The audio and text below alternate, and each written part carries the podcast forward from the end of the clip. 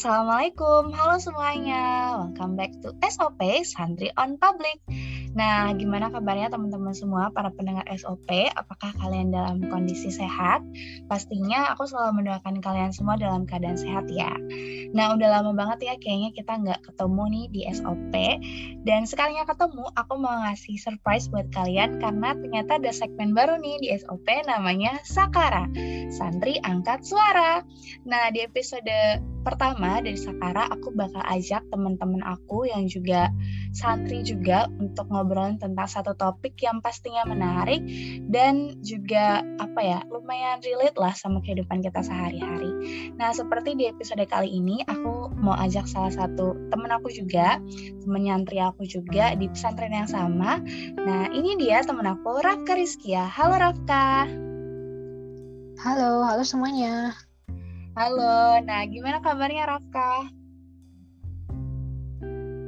Alhamdulillah, luar biasa. Baik biasa ya. Oke. Nah, sebelumnya mungkin Rafka boleh kenalin diri dulu nih.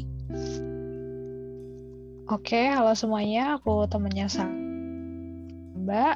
Uh, aku dulu di pesantren yang sama dengan Saba dan sekarang aku jadi mahasiswa IT. Wow, jadi mahasiswa IT ya teman-teman. Kalau dengar-dengar IT kayaknya udah tahu ya kalau anaknya pinter gitu ya. Amin. Oke. Okay. Nah, kira-kira sekarang Rafka kesibukannya lagi apa nih? Uh, aku sekarang lagi skripsi uh, sambil jalanin beberapa usaha juga. Wow, lagi kalau semester berarti udah semester semester akhir ya? Udah nulis nulis skripsi nih. Iya. Oke, lancar terus ya skripsinya. Nah, um, gini, di episode kali ini nih, Rafka aku pengen ngobrol sama kamu tentang topik yang apa ya seru banget gitu ya. Dan menurut aku di episode pertama ini kita harus memulai dengan sesuatu yang uh, semangat gitu ya.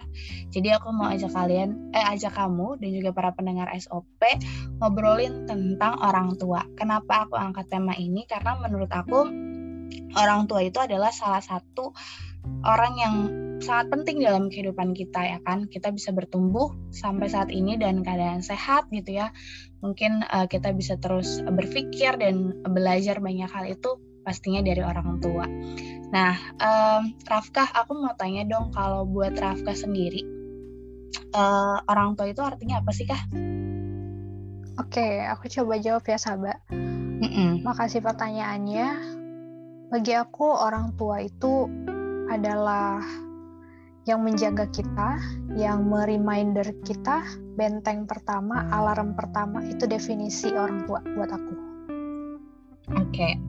nah um, apa namanya kalau menurut Rafka gitu, Rafka setuju nggak sih kalau orang tua itu merupakan orang yang ngambil peran penting juga dalam kehidupan kita sampai saat ini? Iya, aku merasa bahwa uh, bagaimana Allah memberikan kasih sayangnya secara nyata itu lewat orang tua gitu. Mm -mm. Oke, okay. um, itu menarik ya karena kalau kita dengar dari Rafka berarti Rafka mungkin ada cerita kali ya karena uh, Rafka tadi bilang kalau orang tua itu bisa jadi tangan sambungan gitu ya dari Allah sampai akhirnya kita bisa sampai sekarang. Nah uh, balik lagi tadi apa namanya Rafka bilang kalau orang tua itu adalah pegangan. Nah, kira-kira selama perjalanan hidup Rafka sampai sekarang di usianya udah sampai 21 tahun ya? Betul ya, 21 tahun ya? Mm-hmm. Betul. Nah, kira-kira ada nggak sih uh, apa namanya wejangan ataupun nasihat gitu ya dari orang tua yang sampai saat ini benar-benar Rafka ingat dan coba untuk selalu terapin dalam kehidupan sehari-hari? Oke, yang orang tua selalu bilang adalah di mana pun kamu uh, sama siapa pun kamu berteman sebesar apa pun pengaruh luar tetap pada akhirnya kembali lagi ke syariat. Jangan pernah melenceng sedikit pun. Walaupun itu sakit walaupun itu capek walaupun itu sakit apa segala macam tantangan harus tetap dihadapi. Pegang tetap syariat gitu Oke, itu menarik banget ya. Uh, apa namanya kita harus balik lagi gitu ya ke syariat. Nah, ngomongin tentang syariat biasanya kan banyak para pendengar gitu ya, yang kayaknya kalau udah ngomongin syariat tuh kayaknya langsung kayak, eh saklek banget nih orang tuanya gitu ya, apalagi dalam hal agama misalnya. Kira-kira Rafa punya uh, tipe orang tua yang kayak gitu nggak? Uh, Sebenarnya orang tua saya cenderung fleksibel ya, sabar ya. Mm-hmm tapi fleksibel kita artinya kita harus berpikir lebih keras dua kali. Karena kita harus tetap bisa punya seni berkomunikasi sama orang. Jangan sampai orang takut temenan sama kita berkomunikasi sama kita. Tapi kita tetap punya boundaries untuk diri kita sendiri gitu Oke, okay. berarti uh, apa namanya fleksibel di sini tuh bukan Rafka ngertiin tuh bukan yang karena banyak juga orang yang kayaknya kalau ngomongin fleksibel itu kan berarti istilahnya gampang ya gitu ya. Apa namanya cocok di tempat ini cocok di tempat itu. Nah sedangkan Rafka sendiri punya uh, arti yang menurut aku unik banget ngertiin kata fleksibel di sini diartiin kalau fleksibel ini justru tantangan gitu ya buat Rafka jadi kita bisa harus uh, berpikir dua kali gitu ya. Nah, uh, ada nggak kira-kira momen di mana kayaknya uh, orang tua tuh nggak nggak apa ya nggak ngasih tahu oh kamu boleh kayak gini kamu nggak tapi minta kita untuk mikir aja gitu kira-kira yang baik tuh yang gimana gitu. Oke. Okay kalau momen untuk cerita seperti itu pernah dan itu jujur kaget. Karena selama ini aku adalah tipe orang yang selalu nanya ke orang tua bahkan mm-hmm. ini apa urusan kecil-kecil? Makan ini boleh nggak? Makan itu boleh nggak? aja sampai nanya gitu kan. Jadi ada satu hari di mana memang itu umur saya udah 20 tahunan sahabat dan mungkin hari itu orang tua saya mencoba untuk saya berdiri di kaki sendiri gitu ya uh, waktu itu case-nya adalah mutusin pergi ke Bangka atau enggak sedangkan saat itu tugas lagi numpuk banget gitu. Akhirnya dengan segala pertimbangan saya mikir itu kan liburan case-nya ya. Akhirnya dengan segala pertimbangan dengan segala apa yang saya tahu oh saya harus tahu prioritas oke saya nggak pergi. Dan akhirnya ibu saya ketawa oke kamu nggak pergi kamu bagus gitu karena kamu tahu prioritas kamu gitu Oke, berarti apa ya? Di situ mungkin momen menariknya di situ ya kayak sebenarnya uh, kalau buat aku pribadi itu pun sebenarnya aku lebih enjoy gitu ya, lebih senang punya kalau uh, orang tua yang dalam arti tuh nggak ngasih kebebasan ke kita, tapi nggak ngasih apa ya um, aturan yang saklek juga untuk kita. Jadi minta kita tuh untuk berpikir. Kalau buat aku sendiri, ketika orang tua udah ngasih uh, sikap kayak gitu berarti dia tuh udah bisa percaya gitu sama kita anak-anaknya dan buat aku juga itu sebuah kelebihan sih aku menganggapnya ya sebuah kelebihan di mana kita udah mulai didengar pendapat kita kayak gimana terus juga orang tua mungkin bisa apa ya bisa uh, mulai nerima lah kira-kira oh kalau anak aku pengen ini dia tahu resikonya apa yang bakal dia dapat nah kalau menurut Rafkah setuju nggak sama apa yang tadi aku bilang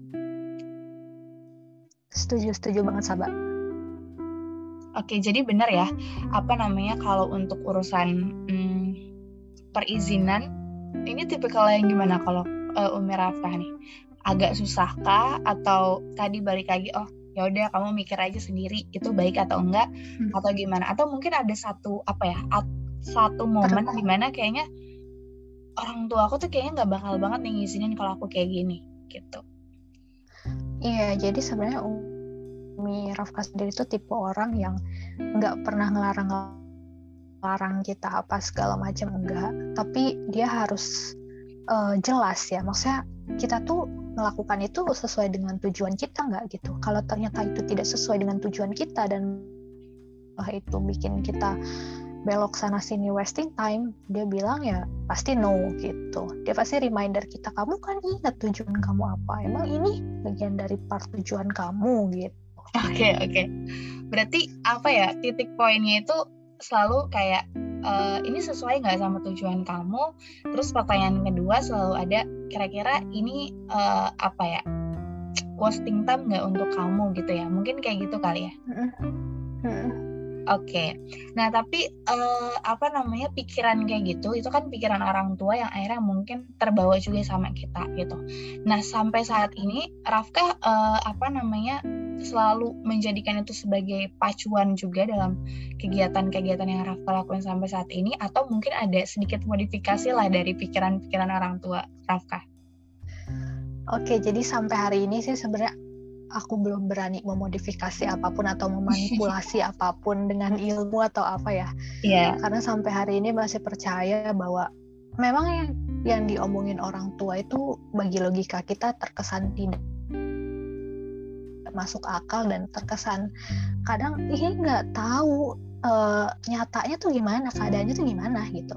Mm-hmm. kok nggak boleh nggak boleh gitu kan. Tapi nyatanya sahabat pada akhirnya kita sadar bahwa walaupun itu kesan goib gitu ternyata itu benar yang mereka sampaikan. Itu tidak bermuara pada apa pun saat kita mencoba untuk memanipulasi orang tua. Tapi uh, kalau untuk memodifikasi ataupun gimana misalkan kayak modifikasi tuh case kita bilang uh, saya mau pergi ke sini tapi ternyata kita mampir ke sini dulu mampir ke sini tanpa kita bilang gitu kan. Hmm. itu kan memanipulasi ya jadi iya iya betul. sampai hari sih enggak enggak sih enggak berani.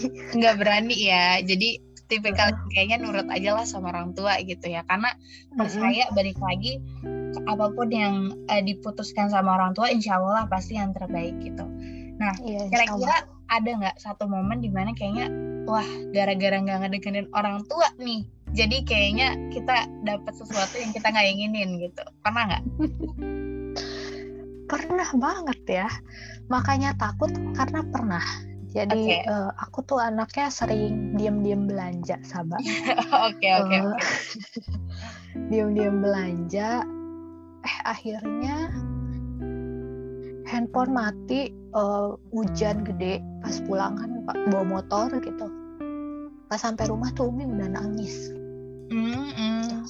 Anak mana yang ngelihat ibunya nangis nggak merasa bersalah gitu kan ngerasa yeah, kayak betul lu ngapain aja gitu selama ini gitu kan lu uh, wasting time lu bikin orang tua lo nangis karena handphone mati segala macem dari situ nggak pernah lagi dan memang karena habit-habit yang dibangun karena sering belanja diem-diem tuh jadi orang yang sering boros gitu ya sahabat dan saya sekarang mencoba untuk enggak gitu Oke, terus pas udah tau kayak gitu langsung ini, langsung kayak oh nggak udah nggak bisa nih kayak gini atau sampai sekarang masih ada dikit-dikit gitu. Kalau sekarang nggak sih udah enggak, tapi sering ini apa namanya nego negosiasi lah. Gitu. Iya iya betul ya. Mungkin kalau nego tuh kita lebih kayak kayak nyari alasan sih sebenarnya ya. Kayak oh kayaknya ini bisa deh gitu. Yeah. sedikit sedikit lah tipis-tipis gitu. Karena sebenarnya aku juga sama sih. Kayaknya aku percaya banget kalau misalkan apa ya uh, orang tua ini kan juga tadi ya yang Rafkat bilang sebagai penyambung gitu ya dari ridho Allah dan lain sebagainya. Itu aku setuju banget. Jadi kalau misalnya orang tua nggak izinin nggak ridho gitu ya pasti ada aja gitu sesuatu yang kita nggak pengen gitu. Nah aku pun juga sama maksudnya sampai sekarang juga kalau udah tahu nih kayaknya oh ini karena gara nggak nurut gitu tapi sampai sekarang masih aja dikit-dikit gitu ya karena namanya anak gitu ya kalau aku ngerasa kayaknya namanya anak hmm, mungkin salah satu peran orang tua kan juga tadi Rafa bilang sebagai pengingat ya untuk kita gitu jadi yeah. mungkin ya mungkin emang aku ngerasa kayaknya kodratnya emang kita tuh buat salah nih si anak gitu ya. Yeah. ada ada part kita bikin salah dan kita diingetin sama orang tua karena itu menjadi proses oh, yeah. pelajaran gitu loh menurut aku. Iya Sabeng aku setuju karena baru-baru ini umi aku tuh bilang kan ya namanya anak sering bikin kesal lah ya. Uh, betul setuju. Terus aku bilang emang umi umi tuh tahu banget kata dia. Tugas orang tua itu adalah satu ngasih makan kata dia. Uh -uh. Kedua itu maafin anak kata dia gitu. Oke. Okay. tapi ya kamu juga nggak bisa terus-terusan bikin salah. Iya betul betul. Itu dia sih. Betul itu betul banget. Jadi kadang apa ya pikiran itu juga sebenarnya harus dihilangin ya. Kayak tadi mungkin kita tahu orang tua pengingat tapi kayak ya kalau kita jadiin itu sebagai hujah buat kita terus kayaknya ya udah kita buat salah juga. Toh nanti orang tua insya Allah akan maafin gitu ya. Tapi itu apa ya itu jangan dijadiin sebagai pegangan gitu ya dalam apa mindset kita gitu nah ngomongin tentang tadi nih kira-kira kalau menurut Rafka uh, apa sih kewajiban kita ke orang tua? Kewajiban kita ke orang tua itu yang pertama adalah berbuat baik, sahabat. Mm-hmm. Selanjutnya kita berbakti berbakti ke orang tua itu bagian dari amal soleh. Walaupun kecil terlihatnya tapi Allah itu melihat amal soleh kita walaupun sekecil biji zarah kan. Mm-hmm. kayak disuruh orang tua bantu ini disuruh orang tua beli ini beli itu. Mungkin terkesan kecil dan bahkan di beberapa ilmu manajemen time dikatakan itu delegate aja yeah, gitu yeah, kan. betul, tapi betul. kita sebagai muslim no. Lakukan itu dengan sendiri dengan tangan kita dan lakukan dengan hati. Berbakti dan berbuat baik, bertutur kata lembut. Pokoknya perlakukanlah orang tua kita sebaik mungkin gitu. Iya betul banget setuju ya. Aku tadi apa ya um, menarik banget apa yang kamu sampaikan kalau kadang tuh kita suka menyepelekan apa ya kita pengen terlihat uh, banyak membantu orang gitu ya tetapi kadang kita suka lupa gitu untuk pulang ke rumah. Kadang kita suka lupa ternyata orang tua kita tuh butuh kita loh misalkan tadi cuman butuh beli garam gitu ya itu kan sebuah apa ya menurut aku sebuah peran juga kita sebagai seorang anak gitu yang bisa kita berikan kepada orang tua. Dan menurut aku Allah juga pasti akan memberikan pahala yang jauh lebih besar gitu ketika kita bisa bermanfaat untuk orang tua gitu ya. Dibanding kita menyebar kebermanfaatan buat orang lain di luar keluarga kita tapi ternyata keluarga kita yang kayak tipikal bisa ngomong kayak kayaknya susah ya kalau nyuruh kamu gitu ya. Kayaknya kalau nyuruh kamu tuh harus ngomongnya dua kali gitu harus sampai marah-marah dulu gitu kan. Karena itu mungkin emang apa ya mungkin omongan setiap hari ya orang tua ke kita gitu. Loh oh ya sahabat aku pengen gitu. Apa? Iya ya benar. Aku pengen sampaikan bahwa aku menemukan banyak sekali fenomena di zaman sekarang. Itu adalah case di mana saat seorang anak nih ya, dia di kantor memperlakukan teman kerjanya, memperlakukan bosnya, koleganya itu dengan sangat baik. Tapi saat mereka memperlakukan orang tuanya di rumah, hmm. itu orang tuanya kayak dianggap nggak ada. Yes. Nah kita exactly. jangan sampai kayak gitu. Itu adalah bukan habit Muslim ya. Hmm. Ya, aku setuju banget gitu setuju banget banget banget. Jadi ya tadi yang aku bilang kadang tuh kita terlalu sibuk mencari apa ya mencari wajah ya di tempat lain. Padahal sebenarnya yang bisa memberikan kita wajah itu aslinya sebenarnya dari keluarga kalau aku uh, sampaikan gitu. Nah terus kira-kira hmm, Rafka kan sekarang usianya udah 21 tahun ya. Mungkin beberapa tahun ke depan Rafka akan menjadi orang tua ya pastinya. Nah kira-kira kalau Rafka jadi orang tua Rafka pengen nggak jadi orang tua seperti orang tua Rafka saat ini? Uh, Oke, okay, aku jawab ya. Aku ingin sekali sama.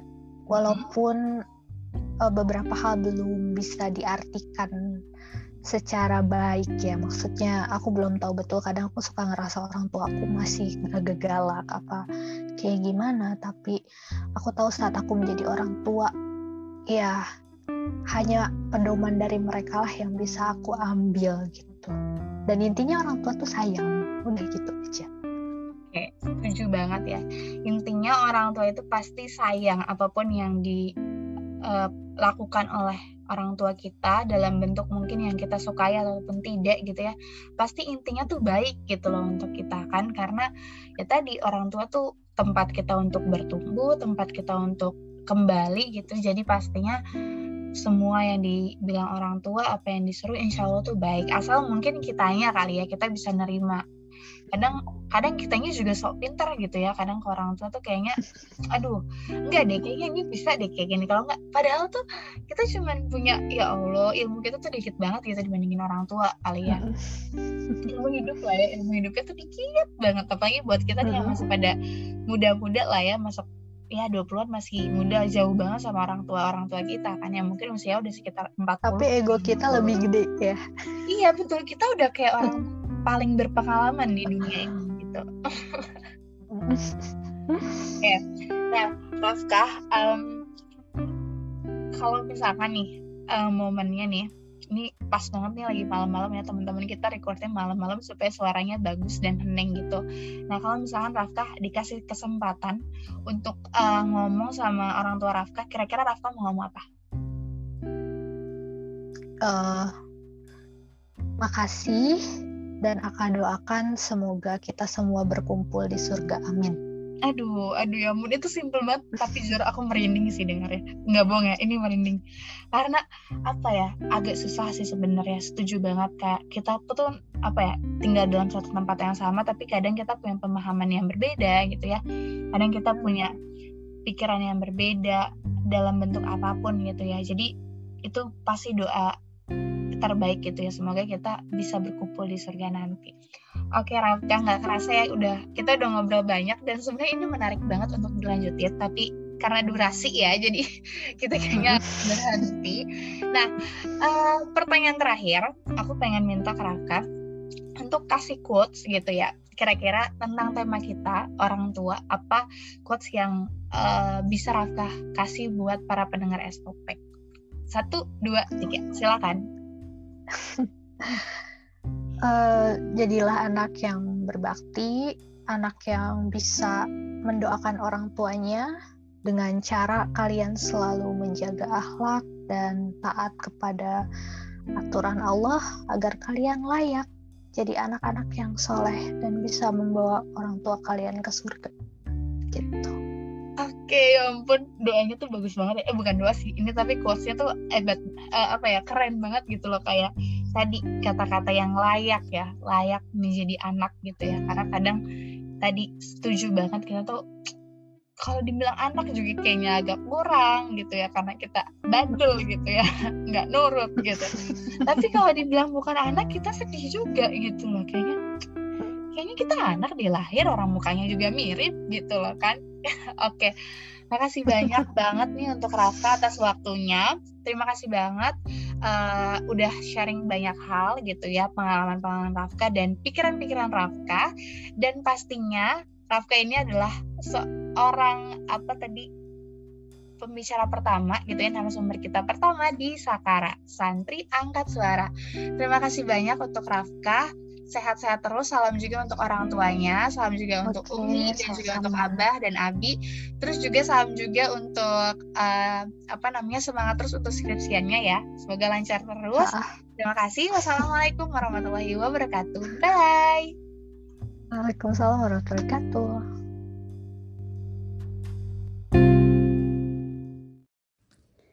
Bismillahirrahmanirrahim.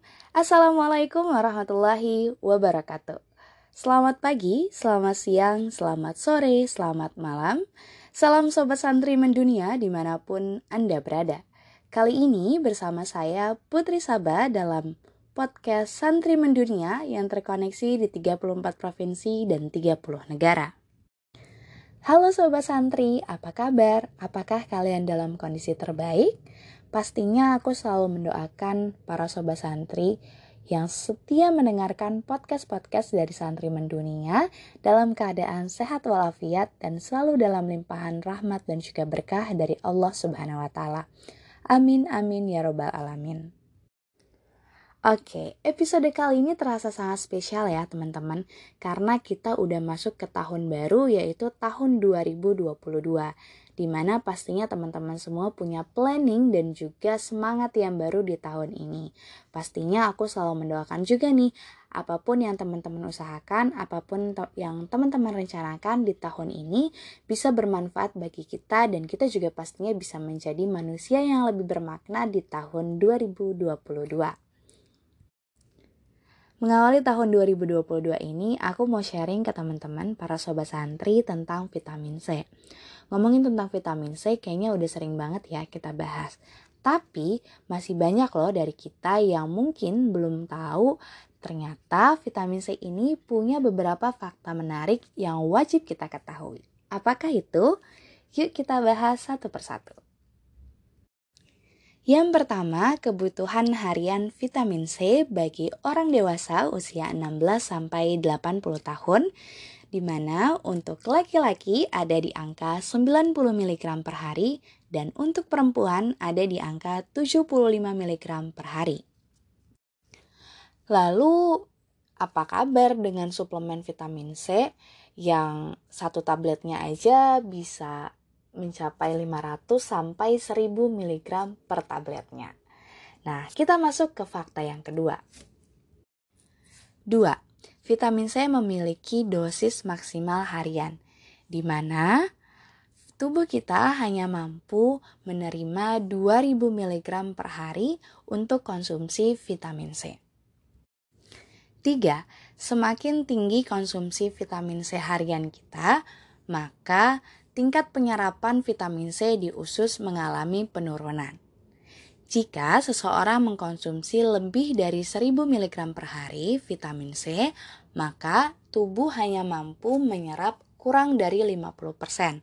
Sedangkan jika seseorang mengkonsumsi 30 sampai 180 mg per hari, tingkat penyerapan di dalam tubuh bisa mencapai 70 sampai 90%. 4. Konsumsi vitamin C yang berlebihan, yaitu di angka lebih dari 3000 mg per hari, mampu menimbulkan beberapa gejala, di antaranya diare, mual, perut yang kram, dan gangguan saluran pencernaan lainnya. Vitamin C yang tidak terserap di usus akan diekskresikan atau dikeluarkan melalui urin. Maka tak jarang jika kita mengkonsumsi suplemen vitamin C dengan dosis yang tinggi, frekuensi buang air kecil kita akan jauh lebih meningkat dibandingkan biasanya.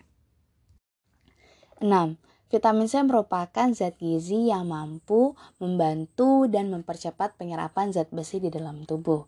Zat besi bisa kita dapatkan di hati ayam, daging sapi, daging ayam, telur, bayam, dan lainnya. Jadi kalau teman-teman makan bakso, minumnya jangan teh, tapi jeruk hangat ya, supaya penyerapan zat besinya bisa lebih lancar di dalam tubuh. Fakta menarik yang terakhir tentang vitamin C yaitu yang ketujuh. Ternyata jeruk bukan satu-satunya sumber vitamin C yang bisa kita dapatkan. Masih banyak loh buah-buahan yang punya kadar vitamin C jauh lebih tinggi dibandingkan jeruk. Misalnya, dalam 100 gram jeruk hanya memiliki 49 mg, sedangkan pada 100 gram pepaya ada 78 mg vitamin C. Yang lebih dahsyat lagi nih, pada buah jambu, kadar vitamin C bisa mencapai 80 sampai 90 mg per hari. Wah, ternyata jeruk masih jauh ya di bawah dua buah ini. Nah, itu dia beberapa fakta menarik tentang vitamin C. Gimana? Seru? Apa kita lanjut nih ya? Oke, mungkin insya Allah di episode-episode selanjutnya ya, kita bakal bahas tentang beberapa fakta menarik tentang zat gizi. Oke, kayaknya kalau untuk episode kali ini cukup kali ya. Semoga apa yang aku sampaikan di episode kali ini bisa bermanfaat untuk aku dan juga para sobat santri yang sedang mendengar episode kali ini sampai saat ini. Terima kasih buat teman-teman semua dan jangan lupa untuk selalu mendengarkan podcast Santri Mendunia dari episode-episode yang akan datang. Terima kasih. Wassalamualaikum warahmatullahi wabarakatuh.